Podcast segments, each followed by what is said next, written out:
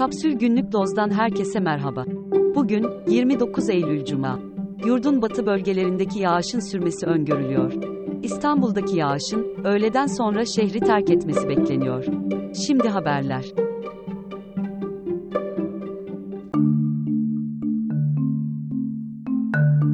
Alman finans şirketi Allianz'ın raporuna göre, hane halklarının finansal varlıkları 2022'de %2,7 oranında düştü. 6.6 milyar euro değerinde kayıp yaşanırken, 2008 krizinden bu yana en büyük düşüş gözlemlendi. Rapora göre en belirgin düşüş, %6,2 ile Kuzey Amerika'da ve %4,8 ile Batı Avrupa'da yaşandı. Dünya genelinde toplam finansal varlıklar 233 trilyon euro oldu. Bu varlıkların %85'i, en zengin %10'luk kesimin elinde bulunuyor. Yani dünya genelinde 560 milyon kişi, toplam finansal varlıkların büyük bir bölümüne sahip. Küresel finansal varlıkların, bu yıl büyümeye dönmesi bekleniyor.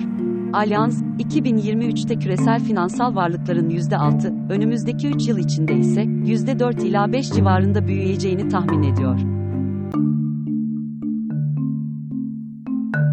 Merkez Bankası'nın brüt rezervleri 125.5 milyar dolarla Mart ayından bu yana en yüksek seviyesine çıktı. Net rezervler de 24 milyar 34 milyon dolarla Şubat ayından sonraki en yüksek seviyeyi gördü. Altın rezervleri ise 200 milyon dolarlık artışla 41.69 milyar dolar olarak kaydedildi. Ortalama küresel navlun 1479 dolarla son yılların en düşük seviyesine geriledi.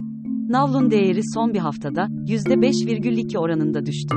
Eylül 2021'de 10.377 dolarla tarihi zirvesini gören endeks, hali hazırda 2679 dolar olan 10 yıllık ortalamanın da %45 altında bulunuyor. Sektör uzmanları, ortalama küresel navlunun 2027'nin ilk yarısında 500 doların altına gerileyebileceğini düşünüyor. Deniz yolu taşımacılığı, dünya mal ticaretinin %90'ına hizmet veriyor. Harry Potter filmlerinde Albus Dumbledore'u canlandıran İrlandalı aktör Michael Gambon, zatüre nöbeti nedeniyle 82 yaşında yaşamını yitirdi. Oyunculuğa 1960'ların başında tiyatro sahnesinde başlayan Gambon, çok sayıda ödül aldı. 4 BAFTA ödülü bulunan Gambon, 1998'de Kraliçe 2. Elizabeth tarafından Sir unvanına değer görüldü. British Museum, birkaç yıl içinde koleksiyonundan çalınan 2000 eserin belirlenmesi ve bulunması için halktan yardım istedi. Müze, bunun için yeni bir web sitesi ve e-posta yardım hattı açtı. 16 Ağustos'ta, depolarda tutulan birçok eserin çalındığı, kaybolduğu ve zarar gördüğü haberiyle gündeme gelen British Museum, iade edilen eser sayısının 60 olduğunu duyurdu. Müze, son olarak, Yunan ve Roma dönemine ait kıymetli eşyaların ve mücevherlerin görsellerini paylaştı. ABD, İsrail vatandaşlarına vizeyi kaldırdı.